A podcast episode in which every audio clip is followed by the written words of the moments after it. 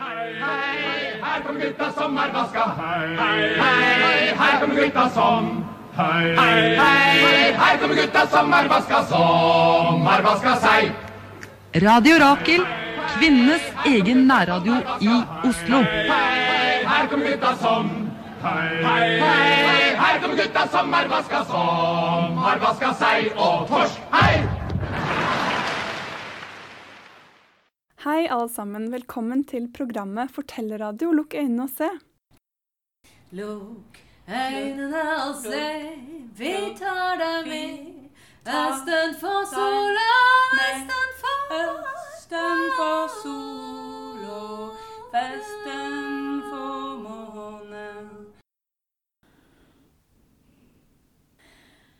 Da jeg var liten, hadde jeg en bamse som het Are. Han hadde en stor og rund og deilig mage.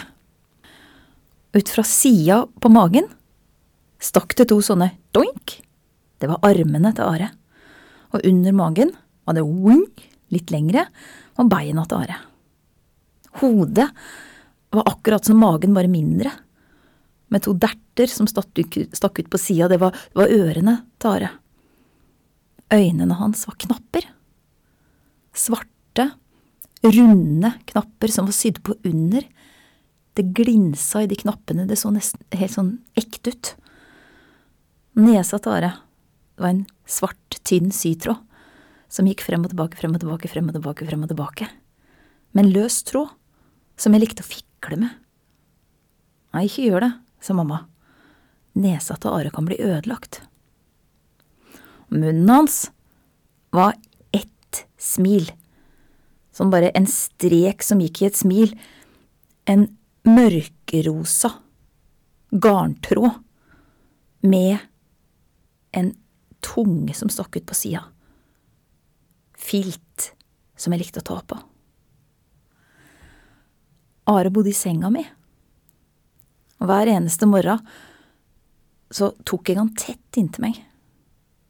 Jeg fortalte hva jeg skulle gjøre den dagen.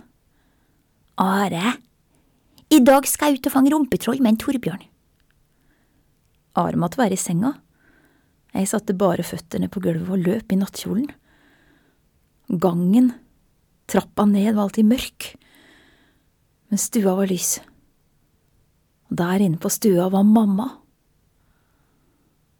Jeg likte å sitte helt innerst på fanget slik at hun gjemte meg med armene sine. Hun holdt rundt tærne mine og sa at jeg ikke måtte bli kald. Mamma hjalp meg med å få på klær. Jeg klarte trøya sjøl, men måtte ha hjelp til strømpebuksa. Hvis det var en god dag, tok mamma meg ut på gangen. Vi sto foran speilet, og mamma løfta meg opp i strømpebuksa så jeg hang og dingla. Og så sa hun sånn ding dong, ding dong, ding dong. Det det var det beste jeg visste. Leverpostei. Tynt lag med leverpostei, ikke smøret under leverposteien, det gikk ikke. Appelsinjuice. Men bare opp til der hvor mønsteret på glasset begynte. Mamma, kan jeg få mer? Men jus er dyrt, sa mamma. Jeg måtte gå med kløgenser. Jeg måtte gå med stillongs under regnbuksa. Og strikken over skjærroksen og sånne ting som festa votten til jakka. Lue. Bøtte i hånda. Klem fra mamma. Jeg løp aleine over plenen forbi sandkassa. Til det huset som var helt likt vårt, bare med annen lukt. Jeg banka på, og Torbjørn kom. Torbjørn var klar. Han var alltid blid, nesten alltid snørrete. Torbjørn hadde store, altfor store votter og diger jakke og lysegrønn regnbukse. Han så på meg, og så tok han votten sin og bare Og så tørka han det på regnbuksa si. Jeg tenkte at kanskje det var like greit at den var lysegrønn. Skal vi i forhold til militærskogen? sa Torbjørn. Militærskogen? Digert gjerde rundt hele med piggtråd på toppen. Men Torbjørn visste om et sted hvor det gikk an å kravle under uten at regnbuksa kom oppi. Han først steg etter, og da vi kom inn i militærskogen, så turte vi ikke si noe. Så vi løp over haugen og ned til det lille vannet med steinen som stakk nedi. Og nedi vannet så den steinen helt svart ut, men det var ikke det. Det var rumpetroll. Tusen millioner rumpetroll som lå inntil steinen og sugde. Og jeg veit åssen man gjør. Man må være stille. Man må ta av seg votten, man må sette seg ut på steinen og lene seg forsiktig fram. Man må ta bøtta veldig stille ned i vannet og dra den fort til seg. To rumpetroll ned i min bøtte. Torbjørn skulle prøve. Han reiv av seg votten altfor fort. Han liksom kasta bøtta opp i været og bare Følg med nå! Og bam! Ned i vannet. Bøtta hans ble fullt av gjørme. Vi måtte sitte og vente helt til alt det svarte hadde synket ned til bånns. Torbjørn, du må være forsiktig, sa jeg. Jeg tømte bøtta, hans skylten. Vi måtte sitte og vente i nesten to timer før rumpetrollene turte å komme tilbake. Da prøvde han igjen, men han gjorde det samme. Bøtta høyt opp i været, følg med nå, klask! Torbjørn, du kan få et rumpetroll til meg, sa jeg. Og han løp foran, men jeg kunne ikke løpe. Bøtta mi var full. Og det å kravle under det gjerdet uten å få regnbuksa oppi, med bøtta, jeg klarte det. Og Torbjørn sto klar med bøtta si, og jeg helle, helle, helle, plopp. Det ene rumpetrollet over i hans bøtte. Vi sa ha det. Jeg gikk hjemover så det svosja i regnbuksa, jeg smilte. Jeg hadde fått det største rumpetrollet. Hei og velkommen til Lukk øynene og se her i Radio Rakel. I dag har vi Helga Samset som gjest. Og jeg heter Heid Gjerstad, og teknikeren er Line Bliksås. Takk, Line. Ja, Helga. Nå har vi akkurat hørt litt fra barndommen, en jeg-fortelling. Ja. Og jeg har lyst til også å fortelle lytterne at jeg er eh, minst like snørrete akkurat i dag. Stemmer det! Så det kan dere kanskje Ja, høre. ja, ja. Du har ikke noe, har ikke noe regnbukse å tørke av på. Det Det er litt synd, egentlig, for det er veldig praktisk. Ikke sant? Ja. Og lysegrønn, det høres egentlig veldig deilig ut. Eh, Jeg ville faktisk starte med å spørre deg, fordi jeg har hørt at du er en trofast lytter til Ja. Radio Rakel. Ja, Hvordan ble det? Ja, du, det skal jeg si deg. Det var jo denne lykkelige overgangen eh, til DAB. Hvor alle var så frampå og fikk ordna opp med det der. Men nå har mannen min sjekka dette her. Og han mener at det er omtrent halvparten av bilene i Norge nå som, som ikke fikk ut fingeren, da. Og Ja. vi var en av de lykkelige bilene. Um, så plutselig så hadde vi dere, og så var det den ake-meditasjon Ja. og noen latinamerikanske greier som Ja. humpa gikk da med litt sånn forskjellig Men det var veldig gøy!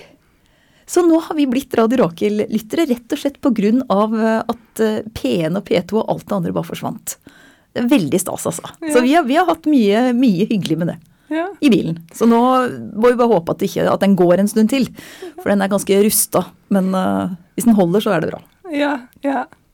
Eh, nei, det er veldig gøy å høre. Så nå er vi i Lukk øynene og se, og det er jo et program som handler om fortelling. Mm. Så da har jeg lyst til å spørre deg, hvordan ble du interessert i fortelling? Oi. Det var nok litt sånn Altså, i det ytre uh, så var det tilfeldig. Nå har jeg lært noe veldig fint om det ordet der. Fra en gammel dame som jeg er glad i, som førte meg mye inn i fortellingene, og heter Kirsti Birkeland. Og sa at når noe er tilfeldig, så er det noe som tilfeller deg. Så den er litt fin å ha med seg. så det kan man jo tenke litt på. At når ting er veldig tilfeldig, så kan det hende at det er noe som tilfeller deg. Veit ikke. Men jeg gikk på Jeg hadde veldig lyst til å bli skuespiller eller noe sånt. Eller det var et eller annet som trøkka på, da. Kor drev jeg med, sang masse. Og så gikk jeg på dramateater her i Oslo, og var på vei til å bli lærer, egentlig. Og så dukka dette halvtårsenheten i fortellerkunst opp. Vi var første kullet som tok det, i 1995, der hvor det nå snart skal bli nytt nasjonalmuseum. Ja, ble, Nå er det revet alt sammen med noen ordentlig sjarmerende lokaler med tendens til asbest, fant de ut da, i, i gulvet der. Men der var det drama-teaterstudie med ordentlig sånn rock'n'roll-stemning, altså. Og da var det Marit Gjerstad som fikk på beina eh, halvtårsstudiet i fortelling. Og da var jeg på vei over mot pensum og hadde ikke lyst. Og så tenkte jeg får ta et storfag. Og så gjorde vi dette her. Fikk inn folk fra England og Frankrike. Og da husker jeg tenkte um, Dette er jo lett. Det er jo selvfølgelig å ta fullstendig feil. Men det det vel handla om, var at jeg hadde så lyst til å holde på med noe i den gata, men jeg var ikke flink med lys, jeg var ikke flink med lyd, jeg var ikke flink med scenetepper og kostymer og sminke og alt det der som må til for å skape illusjonen i teatret. Og i dokketeatret, for den saks skyld, som jeg også er veldig fascinert av. Det her hadde denne enkelheten, da. Ved at det går an å sette seg ned i et hvilket som helst rom, nesten. Og allikevel så kan det skje noe som blir fint, da. Det syns jeg var utrolig. Det fascinerte meg dypt. Jeg hadde nok allerede da vært veldig, veldig altså, sant, Jeg gikk langs veiene når jeg var jentung og snakka høyt med meg sjøl og sånn. Og i ettertid skjønner jeg at det var ikke alle andre som kanskje gjorde på den måten. Så jeg har nok vært veldig opptatt av disse tinga bestandig. Jeg var heldig og skrev brev når jeg var jentunge, vet du. For da hadde vi brevvenner og sånn. Og det elska jeg. Så språk har nok vært en, en, stor del av det hele hele veien, men jeg har ikke tenkt sånn på det. Og så blei det nå på det viset her, da.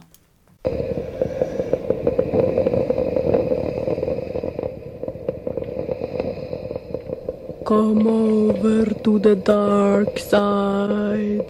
Luke, you are my son. Nina, ta så slå av den jævla kaffetrakteren nå. Radio Rakel, for deg som ble speisa av kaffe.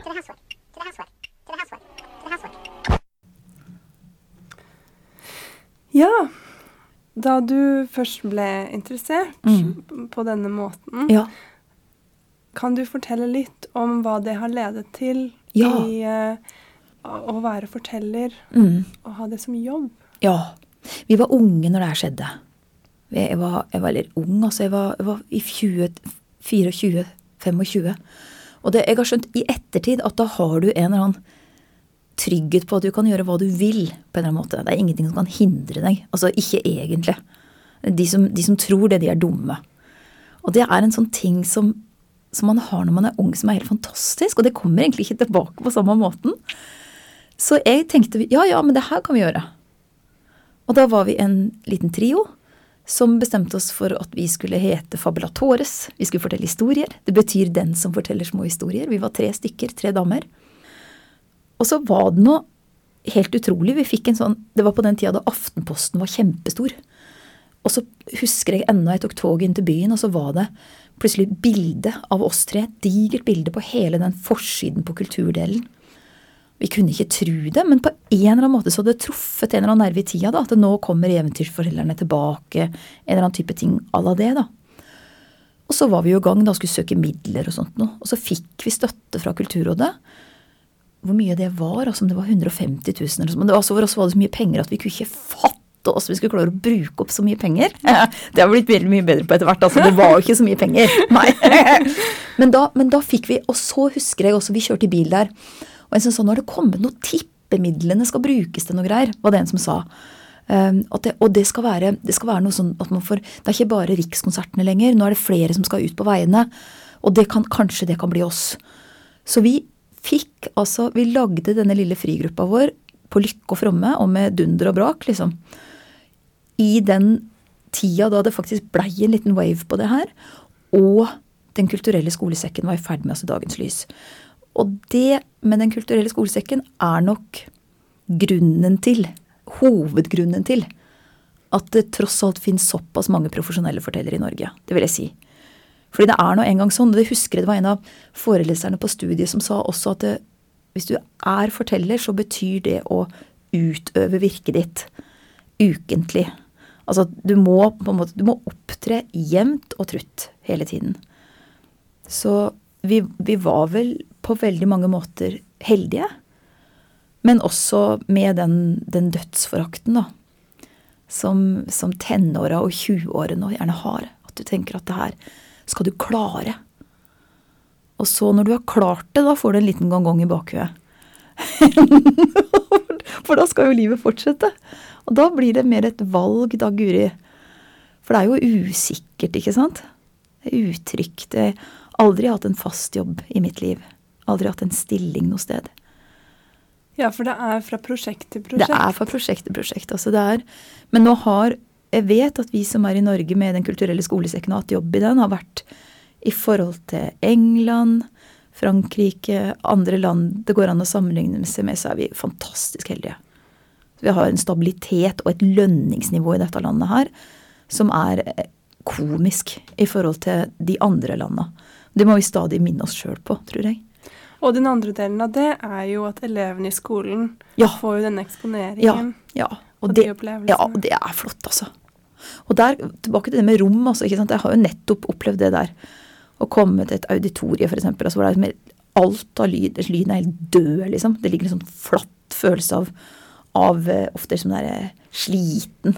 Sånn lei følelse i hele rommet når du kommer dit. ikke sant? Og så har de ett lys som er på eller av, og det lyset er for skarpt. Litt sånn der handlesenterskarpt. Og så skal det inn 90 ungdomsskoleelever der. ikke sant? Bare deiser inn. Og så av med sekken og bort med mobilen og alt det der. Og ut fra det skal det skje noe, da. Da er det veldig håpefullt at det, det kan det. Det kan skje. Det gjør det. Og jeg har veldig mye jobba med eventyra, da. I den sammenhengen der. Noe med eget materiale, men altså sånn som jeg-fortelling som jeg var innom her i begynnelsen, som også har vært en skolesekkproduksjon, den vi hørte fra. Men eventyra er eh, Ja, de matcher et eller annet. Og er det mest norske eventyr? Ja, for min del har det vært det. Men det, det vil jeg si igjen da er litt sånn tilfeldig, det som blir til mitt, på en måte, da. Eh, Men jeg har vært eh, altså, det, altså, det, Eventyra er liksom berikende. Uansett, altså, for de er så beslekta. Så hvis du kan godt et norsk folkeeventyr, så har du jo allerede knekt koden på et japansk. Eh, altså, og, og, så det er ofte Det som er så interessant, er at det føler ofte gir en slags sånn åndedrag, en pustefornemmelse fra det landet de kommer fra. Det syns jeg ofte. Jobba med litt indisk og et japansk som jeg har vært veldig opptatt av. Hvor du opplever at sannsynligvis, eller du får følelsen av en annen kulturforståelse, og ofte annen type religion, eller liksom Det kan være veldig forfriskende fint, altså. Spennende. Eh, Men, men allikevel så er det i de ytre formene så er det ofte mye av det samme. Med lover av hvordan Altså hjem ut hjem, da. Som er liksom den store fortellerformen vår over hodet, tror jeg. Jeg tipper at det er nesten over hele jorda. Hjem begynner et sted som er hjemme, og så ut i verden og tilbake igjen på et eller annet vis, da. Om det så er godt eller dårlig. Ja. I tillegg til um, Den kulturelle skolesekken, så ville jeg også spørre litt om det du har jobbet med i forhold til pilegrimsreisen. Ja, ja. Det blei faktisk Det også faktisk begynte med Den kulturelle skolesekken. Ja. Interessant nok. For da var det, hadde jeg en forestilling med denne lille gruppa som het Fabulatores. Og da var det et av disse veldig, veldig sjeldne, men dog, det hender iblant, at det kommer en som har sittet i publikum som du heldigvis ikke har visst om, da. For da hadde man vel blitt litt nervøs. Som viste, som sa, vi har et prosjekt i Bærum. Uh, vi har så vidt begynt på det, men har han hadde ståltro, da. Han jobba som kulturkonsulent i, i det som Og det var før skolesekkens tid, faktisk. Rett før. Men at de ville at uh, skoleunga skulle gå pilegrim. Fra, fra Haslum over til Lommedalen, det er ni kilometers tid. Og så hadde de et lokale, sånn vanlig bollested ikke sant, inne i marka. Markastue. Og så tenkte jeg at her, der skal det skje noe. Og så hadde de prøvd ut et par ting, og så tenkte han fortelling, fortelling, fortelling. Og da blei jeg linka på det prosjektet, og det var altså rett før 2000, tror jeg. Og det har jeg hatt jobba årlig med siden da. Så det har vært en slags fast inntekt for meg, da. Som har rulla og gått, og vært at alle sjetteklassene i Bærum går denne vandringa. Og så møter de meg inne i skogen. Og så forteller jeg for dem, og så går de videre. Og det er jo, altså vandringsmotivet er jo også et sånt pulsslag i all fortelling. Altså at du må gå. Eventyret er jo hele tida sånn gikk og gikk og gikk lenger enn langt. Og det er jo en litt artig setning, for det er jo gjerne det man må, da. Med alt hva det innebærer for at det skal bli til noe i livet. Og i pilegrimsleden så det har vært noen helt Og der får jeg en og en skoleklasse inn. Så de er liksom sin egen lille enhet da, med alt hva det innebærer av, av vibber og samspill og ikke-samspill i en klasse. da. Så sitter de tett på meg, og så vi, står jeg i et hjørne der med steinvegger bak meg. Og, og da har de gått fire-fem kilometer før de møter meg. Så det er akkurat som et eller annet allerede er blitt skrella litt bort. og, de, og de har vært i skogen. Og noen har tråkka over, eller de har møtt et dyr eller noe sånt noe. Ofte ikke, men også, altså av og til det regner så det bare Ikke sant. Alt det her. Og så kommer de inn, da. Og da er det Nei, det er, jeg, jeg har blitt veldig, veldig glad i det. Å fortelle for Altså når barna er ute fra sitt eget vante, og det møtet Altså koblinga til naturen er helt unik i dette her. Det er akkurat som at muligheten vår til å lytte blir større, da. Men det merker en jo bare når man går i skogen òg, at pusten blir djupere på et vis, og at, det, at, du kan åpne deg litt mer, da. Og det er klart, det er jo det eventyra snakker noe om. De går liksom ut i skogene, ikke sant? Inn i Og så er det en overgang i eventyret alltid. Fra det som liksom er den verdenen som er her, og så er det noen som banker på et fjell som åpner seg. Og da er vi over i den andre verdenen, ikke sant? Som, hvor, hvor, det umulige kan skje. Aldri uten omkostninger, men det er mulig. Og da er barna ivrige på om det er sant. Og hvis de spør om det, så er vi jo på riktig sted. så det er, det, er veldig, det er, veldig, gøy å også si at hvis en skrur eventyra litt til, så har de ingen aldersgrense. Altså, ja. Med din fortellervirksomhet, ja. Er det noe du håper å oppnå med den? Oi. Altså, det er jo noe helt basalt med det der med at det er godt å bli fortalt for. Altså, det, det, det barnet i oss, ja. og i barna selvfølgelig, som man jo møter da heldigvis i skolesekken, så, så er det noe med altså det, det er en slags Jeg tror det er en sånn grunntilstand av noe slag det å få lov til å lytte uten at det skal avkreves noe annet enn at du er der. Altså det, det, det, er, ingen som skal spørre deg om noe, om du har huska hva det handla om etterpå, eller det er, det er, en Det er en form for pustepause av noe slag, da. Som oppleves meningsfylt i seg sjøl. Um, at ja, det er jo det der som de sier som litt sånn humor, at eh, du veit Altså når, når, kjeven begynner å falle på publikum, altså at, det, at de sitter med halvåpen munn og bare glor på deg, liksom. Da er, det, da er vi i nærheten av noe, da. Og det er veldig godt å se, for meg er det veldig godt å se på de lyttende ansiktene. Altså det, det gir meg noe tilbake. Det er et eller annet samspill der. Jeg tror jeg tenker på det når det fungerer um, og blir fint som et måltid, nesten. Altså noe vi, vi deler, da. Som har med, med liksom sjela vår å gjøre. At vi, at vi er samla om noe som gjør at vi puster greit, og at vi er her, da. Og jeg er også veldig glad for det demokratiske prinsippet med fortelling. At det, jeg kan av og til få grupper hvor jeg med en gang senser, ikke sant. Hvem er leader of the pack? Hvem er de som aldri skal åpne munnen i denne gruppa her, som ikke møter blikket ditt? Og da når det blikket til slutt kommer, eh, og du får se det mennesket også, ved siden av den som brøler hei til deg idet du kommer inn i rommet, liksom Det jeg, jeg har tru på Det er selvfølgelig sånn i mikroperspektiv, da. At, um, at fortelling kan, kan hjelpe gruppedynamikk tenker, ikke sant. Altså de elevene. Og ofte så er det jo sånn at det er de som ikke sier så mye, um, og ikke nødvendigvis er så synlige, de kan være lyttere fra en annen planet, altså. Hva de får med seg. Og hva de senser av, av rikdommen i, i materialet. Da. Så det syns jeg er nydelig. Og samtidig eh, det herlige også med For det er jo grupper hvor de kommer brølende inn, ikke sant? Og du tenker, og du vet at stillhet er en forutsetning for å få til fortelling. Og det er en nesten trua ting. For en del elever er det vanskelig og farlig, nesten. Så det å få til det samspillet men da, Og da handler det også om å si et hjertelig velkommen og et høylytt ja til de som brøler trening når de kommer inn. da. Så deres deres kraft og, og, voldsomme behov for å markere seg, det er helt i orden. Eh, det fins karakterer i ethvert folkeeventyr som matcher dere altså, ja, så jeg, bare, Det kan omtrent bare glede meg når jeg ser de kortene. Ok, dere skal få metta deres. Dette kommer til å Ikke sant? Det, det vil. Og det er fint etter 20 år, da. Nå har jeg jobba i 20 år med det samme, ikke sant. Og så, så, er det det å gjenta og gjenta. Da. Men noe av fordypinga da går jo nettopp på dette at en begynner å bli mer og mer trygg på at de skal få komme med seg uansett hvor lite eller stort eller skeivt det er, og rart. Men så er det plass, da.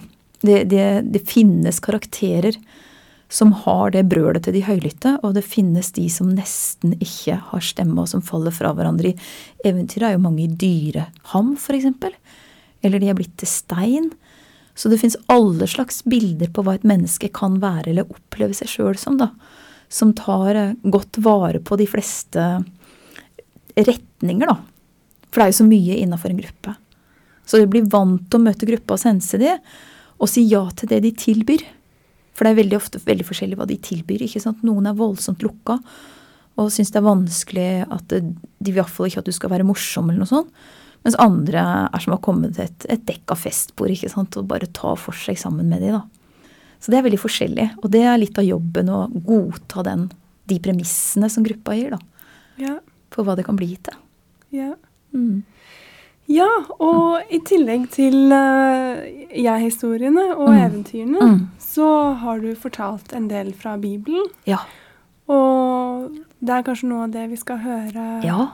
Jeg har vært Altså, det her er jo med å gjenfinne sin egen fortelling, da. Jeg vokste opp med de historiene. Og da jeg var eh, rundt den tida vi snakka om det der når man vet hva man skal og går ut i verden med hodet høyt hevet og sånn, da husker jeg var ja, og syntes jeg med god grunn at jeg skulle melde meg ut av statskirka og det ene med det andre. og Det kunne jeg sikkert ha gjort òg. Men det er noe med de fortellingene du har vokst opp med, at det er fint å vende tilbake til dem på en eller annen måte og utforske. Hva er det med de, da? Eh, og jeg har blitt veldig fascinert av, eh, av noen av de store fortellingene i Det gamle testamentet. Ikke minst fordi de på til dels uheldigvis har farga politikken i vår verden og satt liksom sitt stempel på historien vår på en måte som er veldig vanskelig å gripe fatt i. Og så tenker jeg at bakenfor der så ligger det bare noen innmari gode historier. Og det er jo sånn at historier fort blir brukt til noe. Og da kan de også bli stående litt fast i det. I det. Men jeg tenker at historier, akkurat som eventyr og bibelfortelling, syns jeg ganske ligner på hverandre. Det handler om folk som baler med å få til ting. Og i det så henter man inn krefter fra en annen verden på en eller annen måte.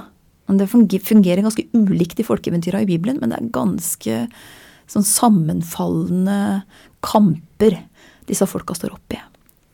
Så jeg har lyst til å fortelle litt fra en historie nå som vi har, som vi har jeg og musiker har reist rundt med, som har blitt litt artig fordi den har kommet opp igjen som en HBO-serie. Så når vi forteller den i videregående, så sitter unga og, eller ungdommene, de her er tredjegym og sånn, de kommer til det viskepunktet et eller annet sted uti der hvor de kjenner igjen den serien de har sett. Og da tror de sikkert det er den vi har knabba fra.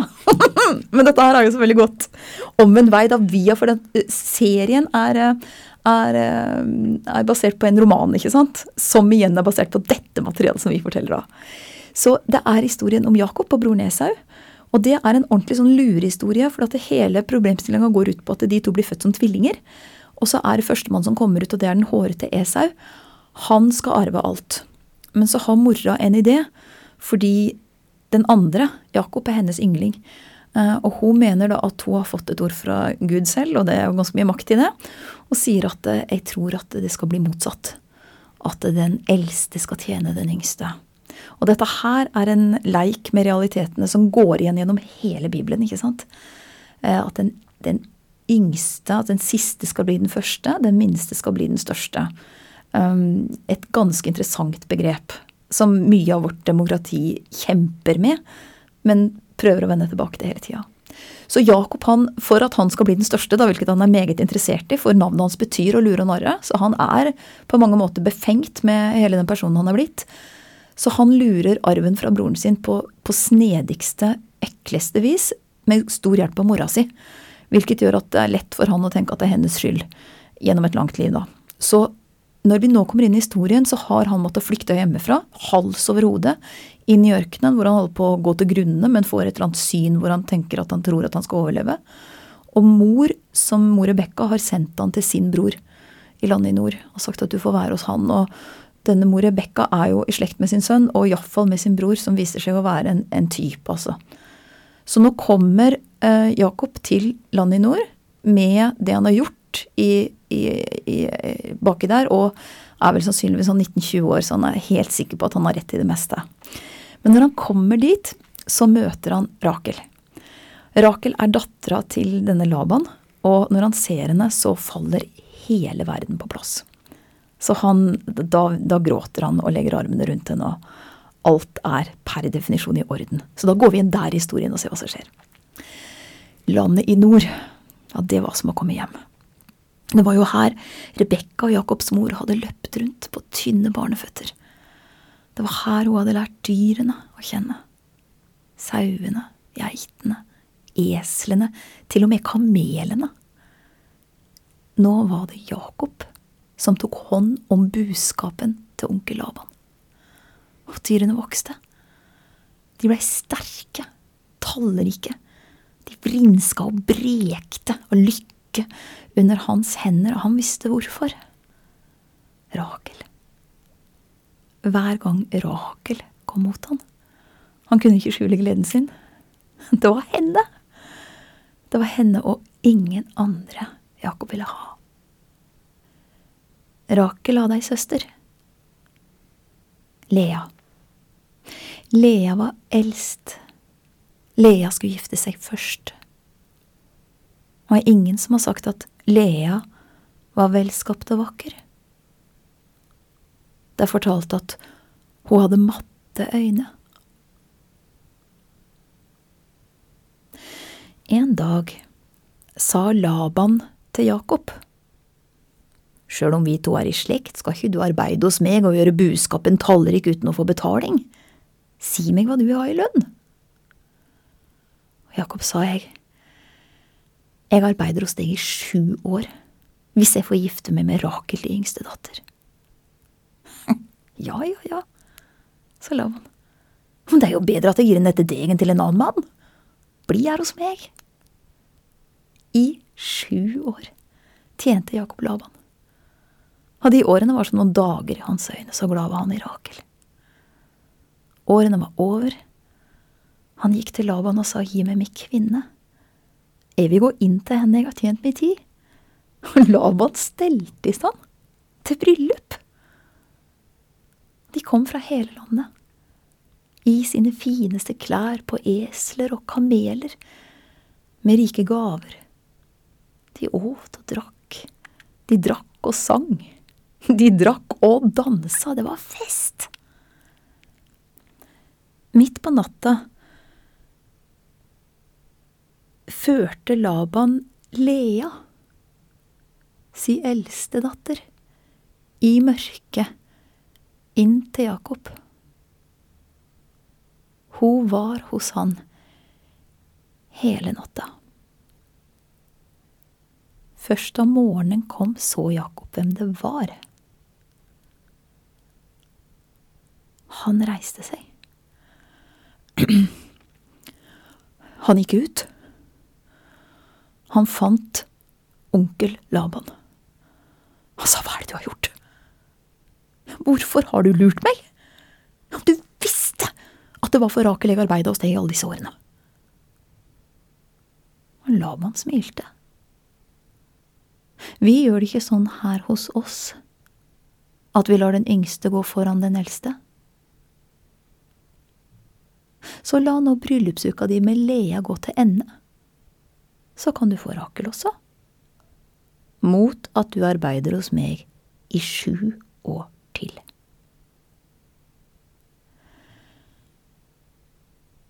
Jakob gjorde som Laban hadde sagt. Han var hos Lea. Hele uka. Så gifta han seg igjen. Denne gangen med Rakel.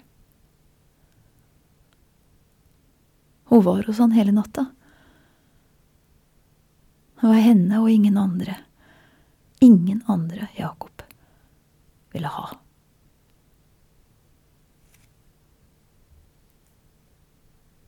Ja, takk. Nå husker ikke jeg, Mm. men var det ikke for arven at han gikk foran sin bror? Jo. Og tok han med seg arven? Jeg husker ikke hva som skjedde Nei, med han stakk hals over hodet. Men det som, var, det som var så ille med den arven, Mm. det var at den var ikke så fysisk at det gjorde noe. Ja. Det viktigste med den armen, det var velsignelsen, og det går som en rød tråd gjennom hele Bibelen. ikke sant? Hva handler det om? Ja. Og det handler om løftet om å være den utvalgte. At Mm. du, og, og, og at faren sier at du skal få fruktbart land, du skal få korn og ny vin og etterfølge. Men det er litt sånn, og det lå, Historikerne kan mer om dette her enn meg. Men altså det lå noe konkret i det, men mest av alt handla det om å bli den fruktbare og bli hodet for familien og føre slekta videre og være den som blei regna med, på en måte. Ja. Og at, eh, og at det så, så den velsignelsen, og den fantes det jo bare én av, ikke sant? Og det var da Jakob, fordi Esau var så hårete, så tok eh, mora og tok sånn der geiteskinn rundt hendene og nakken på han, ikke sant? For at det, Jakob var redd når han skulle inn i teltet til faren og prøve å lure han. For faren var blind, men han var skarp. Så hva om far kjenner på meg og finner ut at jeg holder han for narr, da fører jeg forbannelse over meg i stedet for velsignelse, sier han. Da svarer mora de famøse ordene, den forbannelsen skal jeg ta på meg, min sønn, gjør som jeg sier. Ikke sant? Så det er Det er ikke Det, er en jeg, Altså, jeg syns det er fantastisk med historiene at de er så beinharde på hva en familie kan være. Mm. Altså at de, de, de levner få illusjoner da, om kjernefamilien. Ja. Ja. ja, og at ikke at, at ikke alle barna kan få den samme velsignelsen. Ja, det er Altså- noe heftig. Hva er det for noe, liksom? Ja, fordi det gjelder i det samfunnet Det- jeg bodde i i Himalaya. Er det sant? Fordi at, eh, at eh, ingen Altså sønnene forblir del av den samme familien. Men den eldste sønn Ja. er familiens overhode. Fordi at de gifter seg med én kvinne Ja. sammen.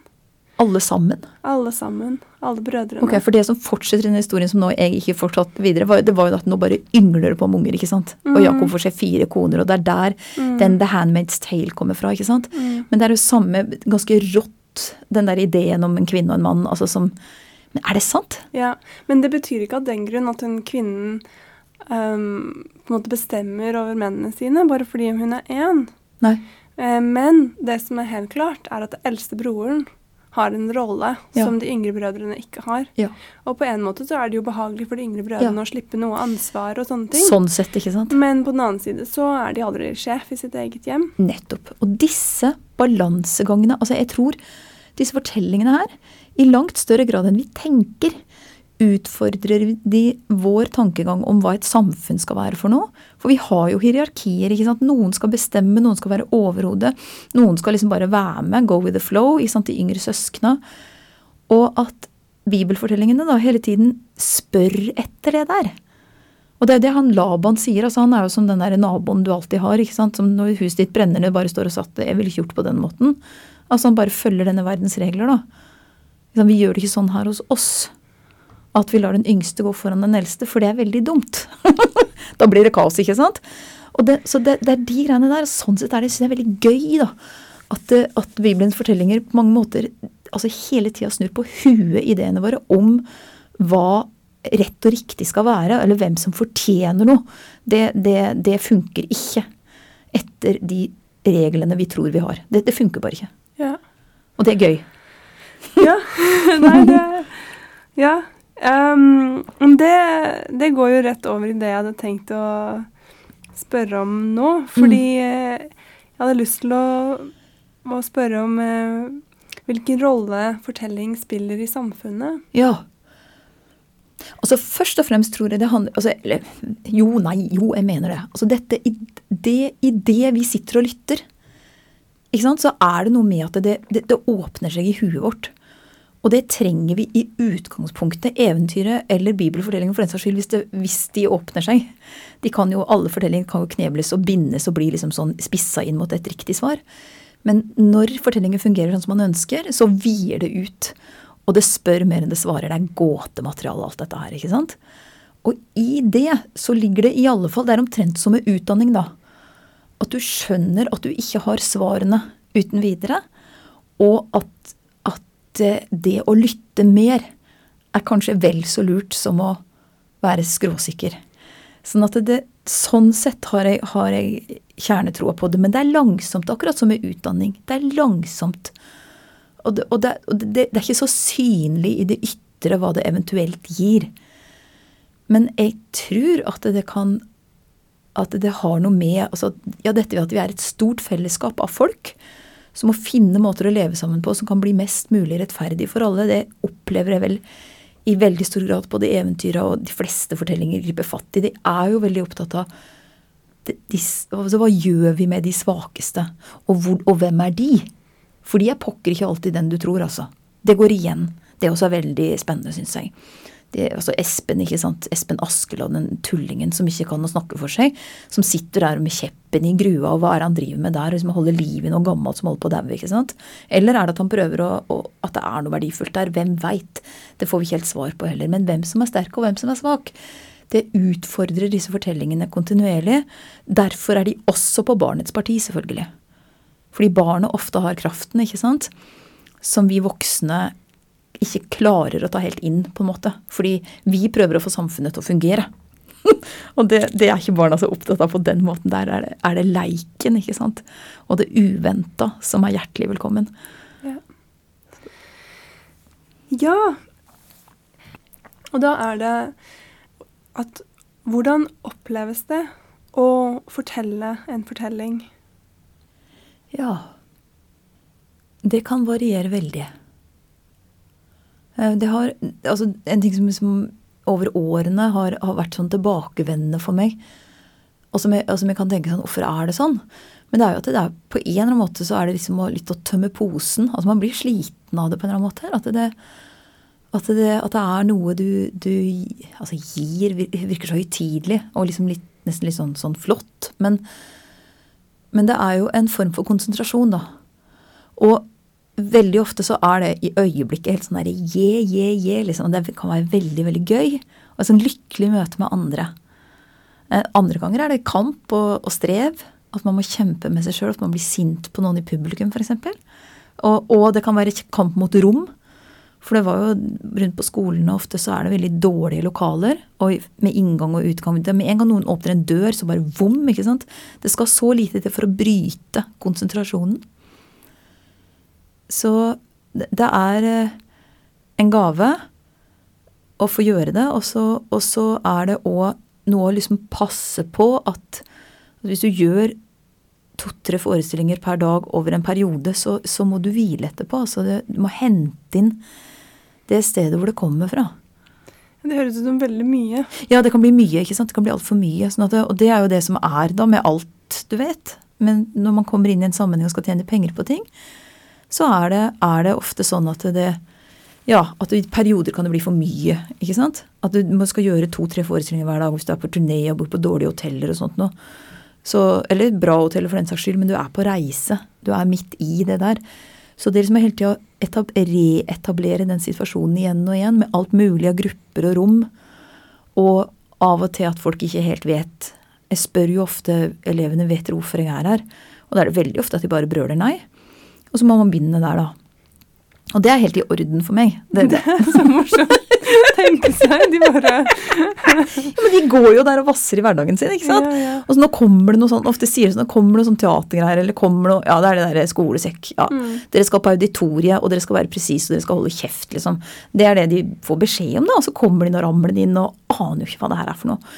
Men på en måte er det et fint utgangspunkt. Fordi at da må vi bare ta det nøyaktig der det er, på en måte. Og i og med at jeg ikke Jeg har gått masse i teatret opp gjennom, og jeg elsker den der oppbygginga bare med den fine foajeen og gå ned en trapp eller å ta heisen opp til sine tre på det norske, eller? Altså De greiene der, de tinga du gjør for liksom, å forberede deg på å gå inn i det rommet hvor det skal skje. Ikke sant? Det er fantastisk. Det er teatret. ikke sant? Og når du kommer der, så kommer det et rom innenfor rommet igjen som er der hvor det skal skje, det, det egentlige. Men i fortellingen så har man ikke et sånt rom. Det er på en måte det du skaper mellom deg og lytterne. da.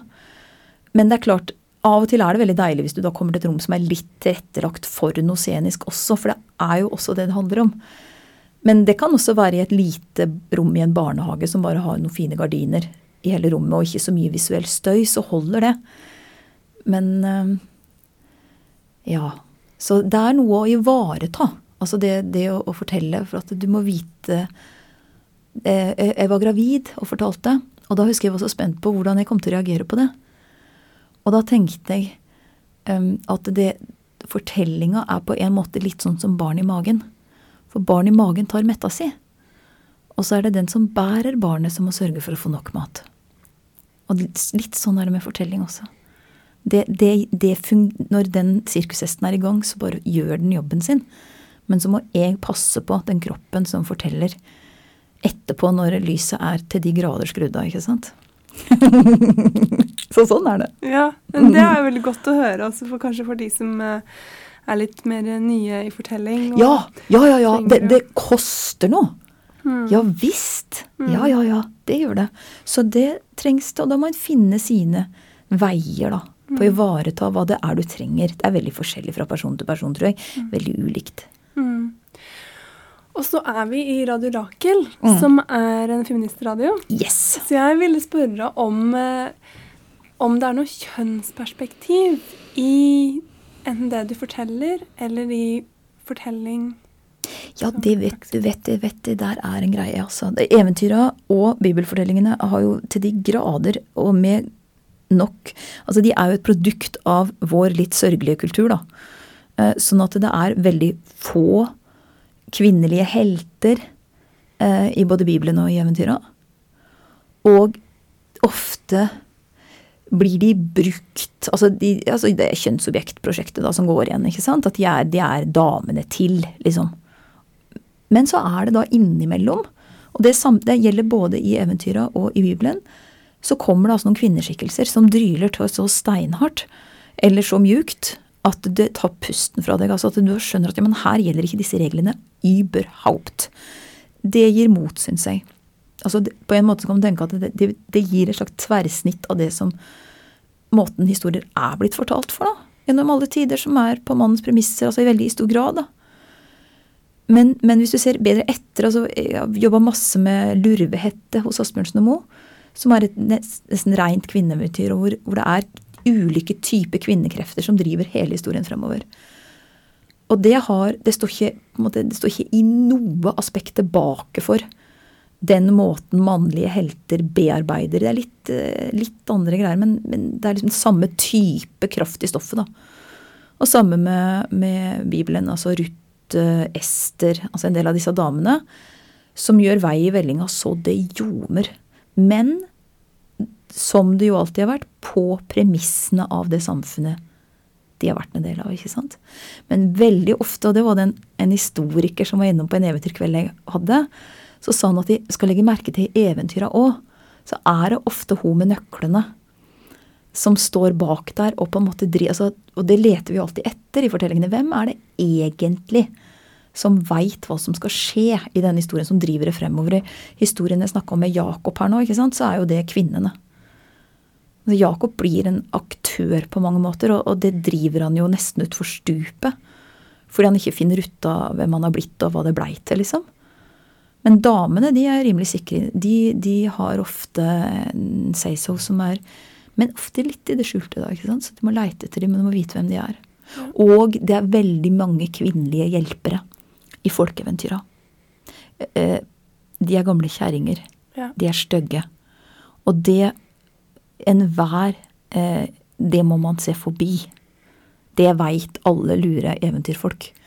Hvis du møter noen ordentlige raringer, så skal du se etter en ekstra gang. For de har gjerne det vidunderlige hjelpemiddelet som du, du, må, du må ha med deg videre. Så det er, det er interessant og, og farga av det samfunnet vi lever i. Ja. Mm. ja. Så jeg vet at du har eh, jobbet en del med tekst i tillegg til eh, Ja. sant? fortelling. Prøvd. Så jeg har lyst til å, å høre litt om, eh, om din omfatning av forholdet mellom fortellingene og det skrevne, Mm. og hvordan det å jobbe skriftlig har endret din fortellerpraksis. Ja. Var, altså jeg har gått på noe som heter Norsk barnebokinstitutts forfatterutdanning. En toårig utdanning med ordentlig sånn intense helgeøkter eh, på to år. Og hvor skriving, det å skrive, skrive, skrive, skrive var liksom selve greia. Og i, med tanke på barn og ungdom. Så det å skrive i hoftehøyde snakka vi om. Se perspektivet til den som leser, da. Det var mye der jeg, jeg syns jeg fant ut av, mange ting jeg ikke fant ut av. Men at det rare med å skrive, da Det er veldig ulike prosesser med skriving og fortelling. Men fortelleren går jo Jeg går veldig mye tur og snakker høyt med meg sjøl. Altså når du skal fortelle det inn i et materiale, så er det rytmen i språket, måten ting liksom skjer på. Da trenger du å snakke høyt med deg sjøl. Ikke sant? Forfatteren har stillheten som utgangspunkt og sitter ved tastaturet, og så er det noe som skjer liksom i det helt tause, som ofte er det du må være i. Og, og over tid også. Og så begynner det å vri og vende seg og gå andre veier enn du har tenkt. ikke sant? Det er jo mange som snakker om hvordan tekst blir til, og også den kompleksiteten da i dette med virkelighetslitteraturdebatten, ikke sant? Hvor det er sant, men det er jo ikke sant. Hvor det er basert på et reelt møte, men det er jo ikke sant sånn. Eller er det nettopp det det er, eller ja, ikke sant? Så blir det et surmulsei, altså. Det går over i hverandre. Jeg opplevde nok at det, det jeg alltid har brukt publikum på også når jeg har fortalt, det er jo at de med sin manglende konsentrasjon, da, forteller meg hvilke sekvenser jeg ikke har behov for. Barn og ungdom de mister, de, de mister interessen på flekken hvis ikke det fungerer. Og da, være, da er det jo helt uinteressant hva som gjør at det ikke fungerer, bare du finner ut av hvordan du kan løse det. Og da, da kan man ikke ri kjepphester. Så du blir veldig praktisk av det, da, som forteller at du, du blir altså, for du, Fordi du må få fortellersekvensen til å fungere. Hvis ikke de åpner seg, så er det uinteressant hvor bra historien din liksom var. Hvis ikke den fungerer. Så hvordan få den til å fungere? Og i arbeid med tekst så har jeg da opplevd ok, men hvordan veit jeg? Og da skjønner jeg at mange forfattere får et slags indre kompass for det der. At de forstår det der etter hvert. Og jeg har veldig lyst til å, å gå videre på det. Det har ikke blitt så veldig mye med, men jeg skal prøve å lese noe nå, da. En liten bit fra en historie. Og før du starter, så Ja. har jeg bare lyst til å si at da, da slutter vi med denne, denne lille biten. Og, eh, så dette har vært Lukk øynene og se på Radio Rakel FM 99,3. Og vi har snakket med Helga Samset. Og jeg heter Heid Gjerstad, og tekniker har vært Line Bliksås.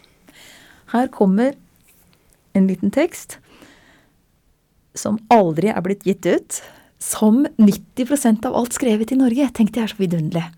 Det aller fleste meste av det vi gjør, og som vi sitter og strever med, blir liksom blomster på ei eng som ingen ser.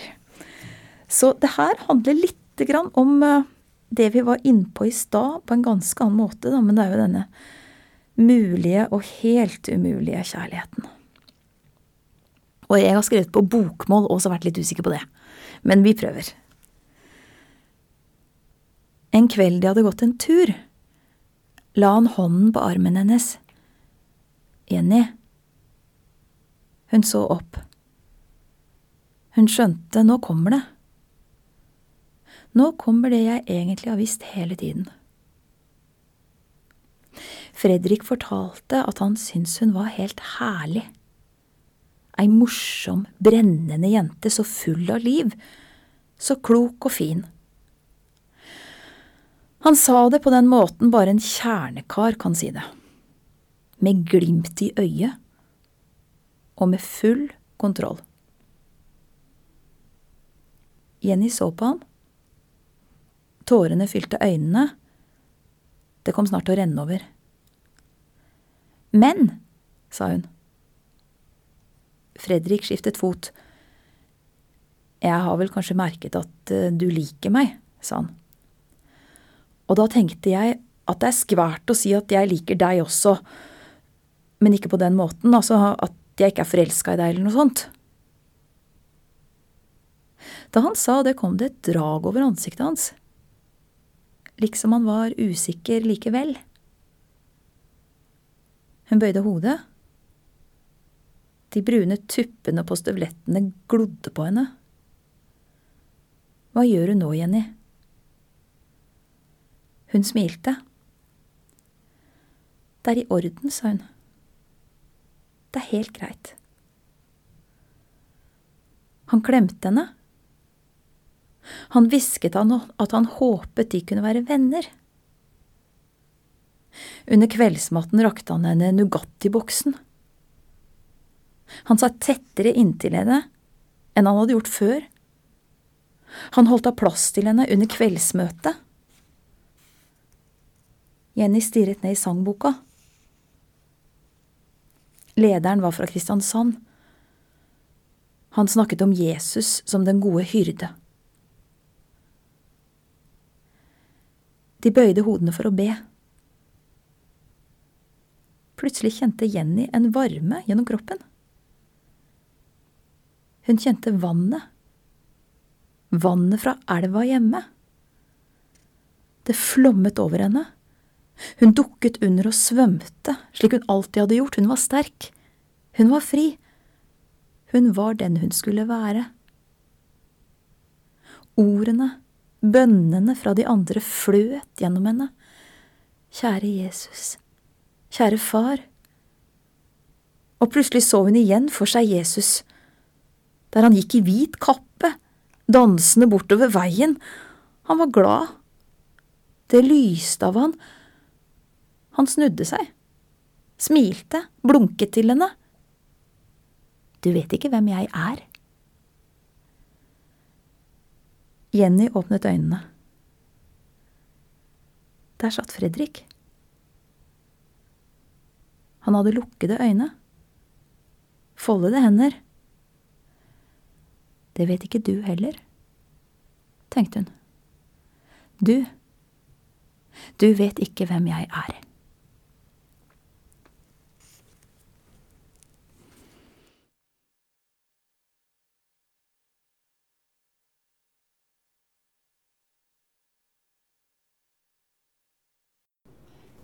Tell me, tell me, tell me a story. Tell me, tell me a tale. Tell me, tell me, tell me a story. Tell me, tell me a tale. Tell me, tell me, tell me a story. Tell me, tell me a tale. Listen to my story, listen and listen well. Listen to my story, listen, and I will tell.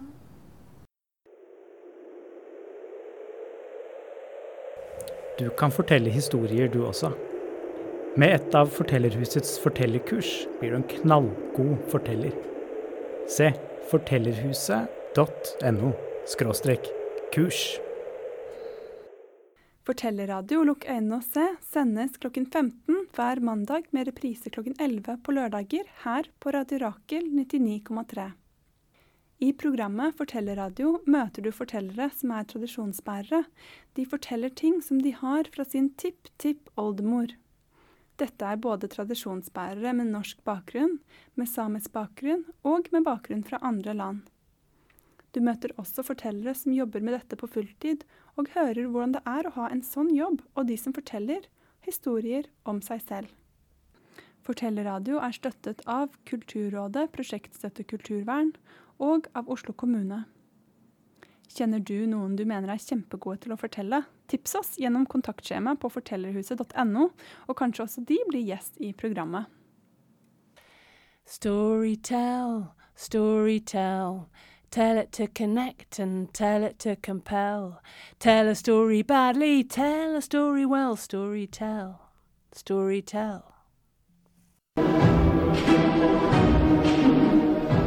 Hvem